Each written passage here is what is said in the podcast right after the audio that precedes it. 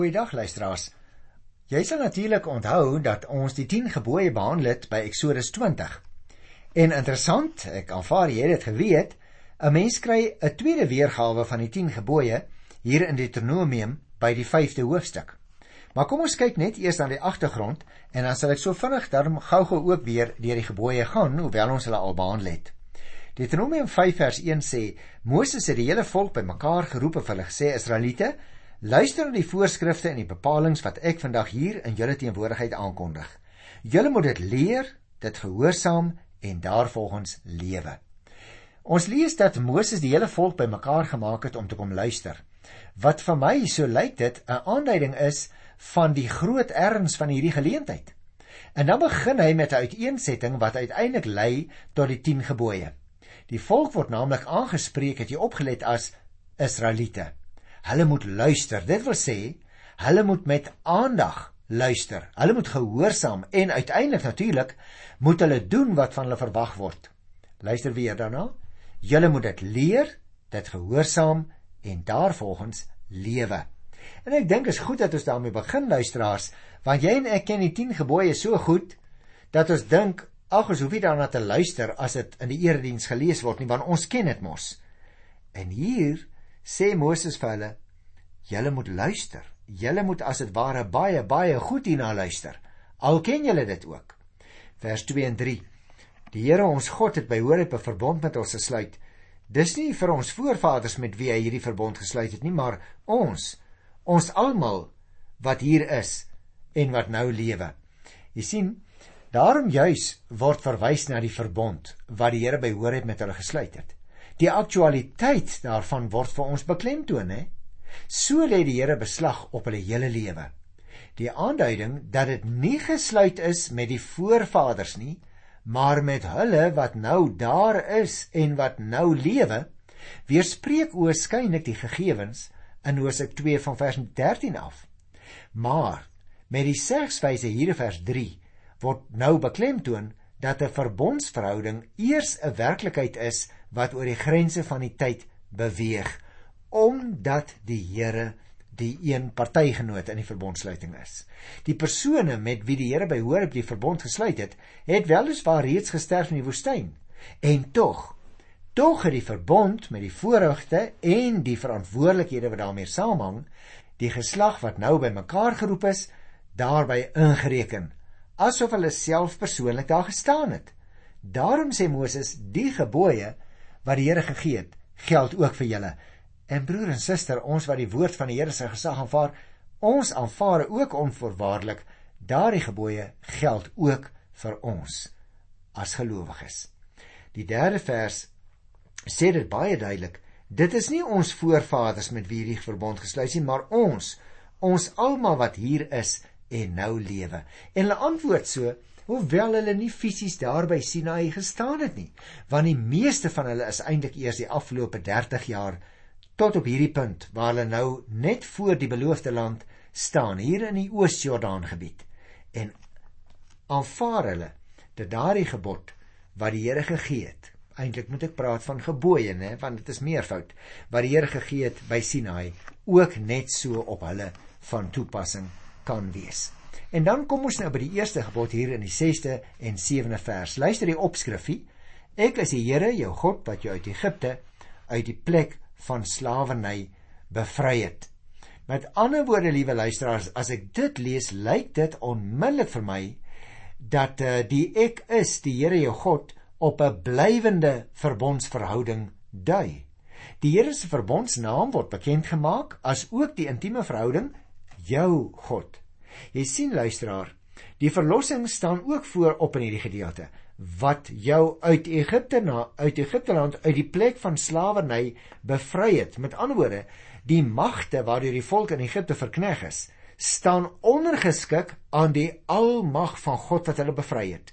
Die gebooie verkondig nou met ander woorde aan hulle 'n verlossing wat die Here aan sy verbondsvolk beloof het wat nou waar word. En daarom die eerste gebod: Jy mag naas my geen ander gode hê nie. Jy sien, Die eerste gebod verbied dat ander gode naas God aangehang word en dit eis absolute getrouheid en lojaliteit. Die term naas my dui natuurlik op eksklusiwiteit van hierdie verhouding. Dat Israel geen ander gode mag hê nie, beteken dat hulle hulle nooit mag verbind aan in aanhalingstekens wil ek dit sê aan sogenaamde gode nie want hulle mag net die Here erken. En daarom moet jy en ek ook nie vergeet nie, liewe luisteraar, enige iets wat eers te kom in 'n mens se lewe kan baie maklik 'n god word. As vriendskap of gewildheid of geld vir jou die heel belangrikste ding in jou lewe is, dan wy jy jou lewe daaraan en nie aan God nie. Jy sien om God eerste te stel beteken nommer 1 dat jy dit wat in jou lewe in sy plek staan moet raak sien en erken. En tweedens dat jy daardie afgod moet verwerp omdat dit juis nie jou liefde en jou trou waardig is nie. Derdens dat jy God om vergifnis moet vra. 'n Vierde riglyn mag ek vir jou gee dat jy jou prioriteite opnuut so moet rangskik dat jou liefde vir God alles wat jy doen en sê motiveer. En 'n laaste riglyn dat jy jouself elke dag moet ondersoek om seker te maak dat hy steeds eerste kom in jou lewe. Die tweede gebod hier by vers 8 tot 10. Jy mag vir jou nie 'n beeld of 'n afbeelding maak van na bo in die hemel of hier onder op die aarde of in die water onder die aarde is nie. Onthou nou liewe luisteraars, die mense van daardie tyd het gedink daar's eintlik 3 vlakke of 3 dekke as jy wil in die skepping. Met ander woorde, daarbo hier by ons en onder die aarde. En daarom sluit die Here wonderlike God wat sê hy sluit by die wêreldbeskouing van daardie tyd aan. En al wat hy in die tweede gebod wat oor afbeeldings van God handel wil sê is dit: Moenie die enigste God wat daar is probeer neertrek in 'n beeld nie. Jy kan hom nie vasvang in 'n beeld nie. Hoekom nie? Hoekom moet ons dit nie doen nie? Want dan word God eintlik soos 'n afgoetjie. As jy op vakansie gaan, dan kan jy hom by die huis los. Of as jy in 'n ander deel van die land kom, dan kan jy hom ook maar ignoreer, want dan is jy mos nou in 'n ander godheid se gebied. So die mense destyds gedink. En dit is wat jy en ek dikwels nie sê nie, maar ons tree so op. As ons daar by 'n bepaalde plek kom, dan tree ons heeltemal anders op as wat ons as gelowiges sou doen gewoonweg. Hoekom? Omdat ons sommer maar so 'n soort van situ situ aanvaar. Die Here is mos nou nie hier nie. Die derde gebod handel oor die Here se naam. Jy mag die naam van die Here jou God nie misbruik nie. Want die Here sal een wat sy naam misbruik nie ongestraf laat bly nie. Natuurlik is dit belangrik, want hierdie derde gebod verbied juis die misbruik van die Here se naam. Jy moet oplet, liewe luisteraar. Dit gaan nie net om godslastering nie maar dit gaan ook oor die wyse waarop die naam wat geopenbaar is as God se naam gebruik word en dikwels misbruik word. Daarom moet ons nie die Here se naam soos 'n stopwoordjie tussenin gooi nie. Maar ons moet wel sy naam gebruik in aanbidding wanneer ons hom bely voor ander mense. Maar tog nooit soos 'n stopwoordjie nie want dan word dit eintlik 'n vloekwoord. Die vierde gebod handel oor die Here se dag jy moet die Sabbat so deurbring dat jy dit heilig hou soos die Here jou God beveel het. Nou heilig in Hebreëus kom van die woordjie, die wortel beteken oh, wortelwoordjie is kadosh. Dit beteken om swaar te wees, om eenkant gesit te wees, om afgesonder te wees, om heilig te wees. So die ou Jode die Sabbat as dit ware eenkant gesit. En dit tussen hakies, liewe luisteraar, is juis die verskil met Christus gelowiges. Ons erken nie meer die sewende dag as die rusdag as 'n Sabbat vol wette en reëls nie. Nee, 'n onderskeid van die Sabbat wat deurbreek is deur Christus se opstanding en deur die uitstorting van die Heilige Gees en deur die eerste gelowiges van wie ons lees, hulle het op die eerste dag van die week saamkom. Handhaaf jy en ek die eerste dag juis 'n onderskeid van die Joodse gebruike op die sewende dag, naamlik die Sabbat. En dit bring my nou by die 5de gebod hier in Deuteronomium 5. Eer jou vader en jou moeder soos die Here jou God jou beveel het, dan sal jy lang lewe hê En dan sal dit met jou goed gaan in die land wat die Here jou God vir jou gegee het. Luisteraars, die 5de gebod word ook positief gestel, né? Naamlik dat die vader en die moeder geëer moet word. En by die tweede gebod het ons al gesien, is die ouers bewus gemaak van die verantwoordelikheid teenoor die kinders. En hier word die kinders se verantwoordelikheid nou beklemtoon. Saam met die opdrag gaan ook 'n belofte, 'n lang lewe en dat dit met hulle goed sal gaan in die land wat die Here aan hulle gaan gee. Nou, hierdie is natuurlik die eerste gebod tussen hakies oor die verhouding tussen mense onderling. En nou raak dit juis die verhouding wat die heel belangrikste vir 'n mens gewoonlik is, naamlik die verhouding tussen jou en jou ouers. En dit is nogal vir my belangrik, liewe luisteraar, uh om aan 'n mens se ouer gehoorsaam te wees terwyl jy nog jonk is. Maar jy moet onthou om hulle altyd te respekteer, selfs as hulle oud is. Selfs as hulle dood is, moet jy nog steeds die respek vir jou ouers in jou hart bære. Jy sien een van die maniere waarop 'n mens jou respek kan betoon, is deur finansiële hulp te verleen. As hulle dit nodig het, juis in hierdie tyd wanneer baie ou mense baie baie swaar kry, of byvoorbeeld hulle te versorg as hulle siek word. As hulle nie meer in staat is om na hulle self te kyk nie. Die beste bewys van jou eerbied is waarskynlik ook juis om die waardes wat hulle jou geleer het aan jou kinders oor te dra. En dit bring my dan by die 6ste gebod waar daar duidelik staan jy mag nie moord pleeg nie. Dit beteken ook dat 'n mens ook nou nie mag selfmoord pleeg nie, né? Bedoel jy mag nie die lewe neem nie, anders is met die diere want Genesis leer vir ons die diere is deur die Here aan ons gegee sodat ons vleis kan hê.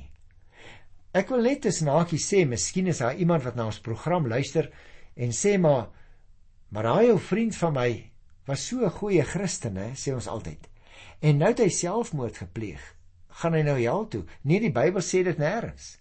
Maar die Bybel sê dat om die lewe van iemand anders te neem en daarom verstaan ons ook jou eie lewe te neem is nie volgens die wil van die Here nie.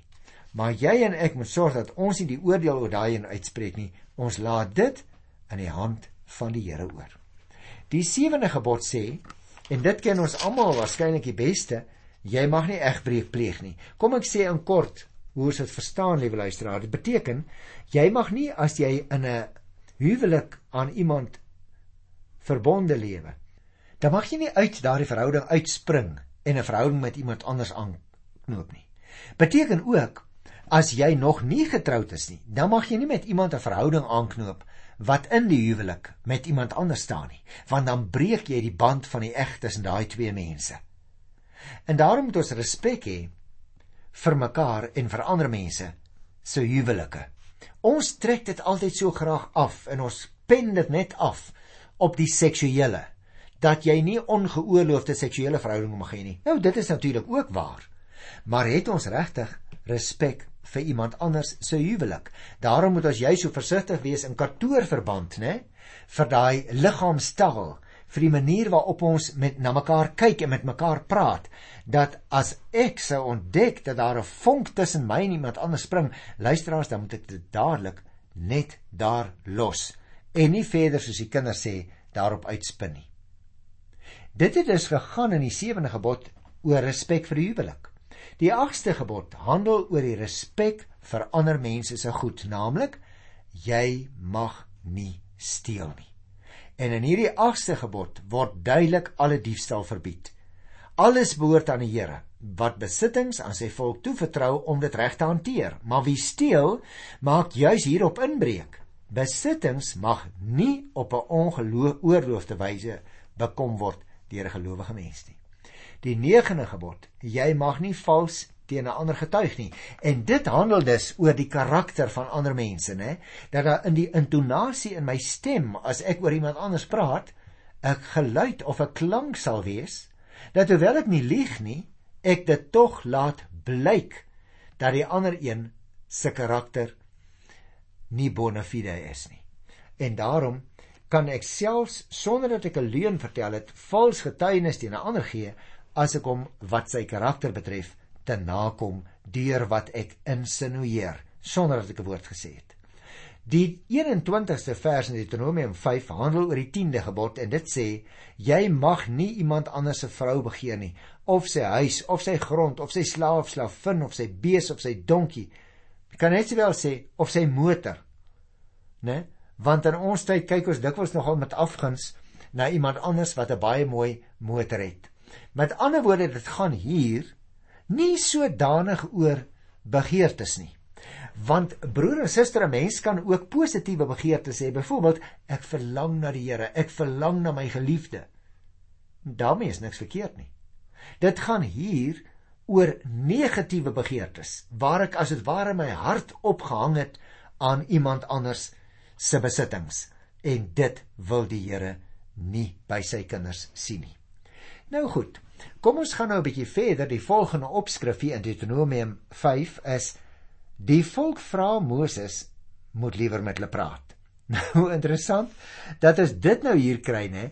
Ek moet miskien eers die 23ste versie lees. Want daar staan: "Toe julle die stem uit die donkerte gehoor het terwyl die berg gebrand het, het al julle stamhoofde en leiers na my toe gekom."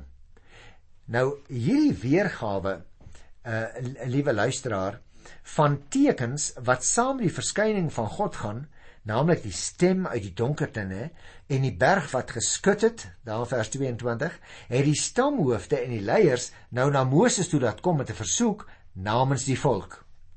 En nou wat is die versoek? Vers 24 sê die Here ons God het ons sy mag en sy grootheid laat sien en ons het sy stem uit die vuur uitgehoor vandag het ons ondervind dat God met mense praat en hulle bly lewe Met ander woorde, die ouens het nou hier 'n halfe probleem, nê? Hulle erken dat die Here hulle sy mag en sy grootheid laat sien het toe hulle sy stem uit die vuur gehoor het. Hulle die wonder ervaar dat God met mense praat en dat hulle tog bly lewe. Die 25ste vers. Maar as ons weer die stem van die Here ons God hoor, sal ons sterf. Want hierdie groot vuur sal ons verteer. Waarom moet ons die gevaar loop om te sterf? Nou jy sien, hulle is nou baie bang dat as hulle weer die Here se stem sou hoor en weer die groot vuur sien dat die vuur dalk sal verteer. Hulle wil met ander woorde nie die gevaar loop om te sterf nie. Hulle wil veilig speel. Hulle raak nou bang vir die Here wat in sy groot heiligheid mense laat insink het in daardie groot gat wat ontstaan het toe hulle teen hom oortree het in die woestyn. En daarom vra hulle nou vir Moses: "Ag Moses, wil jy nie liewer met ons praat nie? Ons is half bang vir die Here, want net nou doen ons iets verkeerd. En dan gaan hy ons dalk vernietig." Vers 26 sê: "Watter mense die stem van die lewende God wat uit die vuur praat uit gehoor soos ons en bly lewe? Gaan jy nader en luister na wat die Here ons God sê?" dan kan jy alles wat hy vir jou sê weer vir ons vertel en ons sal dit gehoorsaam en daarvolgens lewe. Met ander woorde, die woorde van die 24ste vers wat ons net nou gehoor het, die Here ons God het sy mag en grootheid laat sien, ons het sy stem uit die vuur gehoor.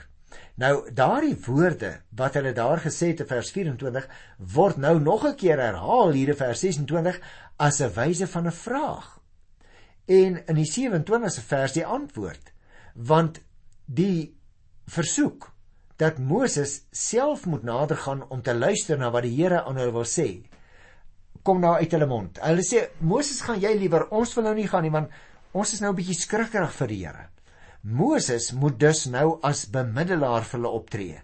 En dit wat hy hoor, dit moet hy weer kom vertel sodat hulle dit kan gehoorsaam en daarvolgens lewe, sê hulle. En nou lees ons in die 28ste vers: Toe die Here hoor wat hulle vir my sê, het hy vir my Moses gesê: Ek het gehoor wat hierdie volk vir jou gesê het. En wat hulle sê is goed. Met ander woorde, die Here wat alwetend is, het reeds gehoor wat die volk gesê het. En hy sê: Dis goed so. Vers 29. Mag hulle altyd soveel eerbied vir my hê en al my gebooie gehoorsaam sodat dit altyd goed kan gaan met hulle en met hulle nageslag. Jy sien hierdie versoek is die teken van eerbied wat die Here het in die oë van hierdie mense. En dit kan natuurlik 'n goeie belofte wees van die wyse waarop hulle al die gebooie sal gehoorsaam, sodat dit altyd goed kan gaan met hulle en hulle nageslag. Vers 30 en 31 is ook interessant. Gaan sê vir hulle, hulle moet teruggaan na hulle tente toe. Maar jy, Moses, moet hier by my, die Here, kom staan. Ek wil die hele wet vir jou gee, die voorskrifte en die bepalinge wat jy vir hulle moet gee en waarvolgens hulle moet lewe in die land wat ek vir hulle sal gee om te besit. Jy sien met ander woorde luisteraar, dit is juis daarom dat die bevel gekom het dat hulle na hulle tente toe moes gaan, terwyl Moses nou by die Here moet kom staan. Die Here wil met ander woorde die hele wet wat die voorskrifte en die bepalinge insluit aan Moses gee. En hy moet dit dan weer aan die volk leer staan daar. Dit wil sê volledig daarin onderrig. Hoekom? Sodat hulle daarvolgens kan lewe as 'n verbondsvolk in die land wat die Here hulle God vir hulle gaan gee. En dan sê vers 32: Julle moet nou gesê doen wat die Here julle God beveel het. Julle moet nie in enige opsig daarvan afwyk nie. Hier is dus nou 'n baie dringende uh, beroep wat op hulle gedoen word om nou geset te doen wat die Here hulle God hulle beveel het. Hulle moes met ander woorde in geen opsig daarvan afwyk nie staan daar. En dan sluit ons af met vers 33 waar ons lees hier in Deuteronomium 5: Bly op die pad wat die Here julle God vir julle aangewys het, sodat julle kan bly lewe en sodat julle kan voorspoedig wees en lank kan woon in die land wat julle in besit sal neem. Jy sien, hierdie dinge het nou beteken dat hulle sou moes bly op die pad wat die Here hulle God vir hulle aangewys het. En die belofte oor die land gaan daarmee saam, sodat hulle lank kan bly lewe en dat hulle voorspoedig kan wees, lank daarin kan woon in die land wat die Here hulle sal gee om in besit te neem. Nou luisteraars, as 'n mens nou hierdie 10 gebooie gehoor het, en jy het nou jou eie lewe daaraan getoets, dan ontdek jy en ek dat ons baie baie ver te kort skiet om al hierdie gebooie na te kom. En dat ons ook dikwels wil vra ag maar wil iemand anders nie nou maar asseblief tussen my en die Here kom staan sodat die straf my tog nie tref nie? En liewe luisteraars hierdie versoek van die Israeliete aan Moses het hy beantwoord en hy het dit gedoen. Hy was die bemiddelaar tussen die volk en die Here. Maar wie wat? Jy en ek hoef nooit weer daardie versoek te bring nie. Hoekom nie? Want Jesus Christus het gekom. Hy kom staan juis tussen jou en my as die middelaar tussen ons en die hemelse Vader. En daarom het ons nie 'n ander mens nodig as 'n bemiddelaar tussen ons en God nie. Jesus Christus het self die middelaar geword. Hy het met sy eie bloed betaal sodat jy en ek nou direkte toegang tot die Vader kan hê. En daarom is dit vir ons wonderlik om die Nuwe Testament te leer. Jesus Christus tree vir ons in. Kom ek sê dit andersom. Jy, liewe luisteraar, het ook soos ek direkte toegang tot God op grond van wat Jesus Christus vir ons gedoen het. Jesus is ons middelaar. Ons het niemand anders nodig nie. Nie 'n priester of 'n gesalfde nie, ons kan direk in die heiligdom inkom. Wonderlike wonderlike nuus. Ek groet jou dan tot volgende keer. Mag die Here vir jou seën, mag hy elke oomblik by jou wees. Tot dan. Totsiens.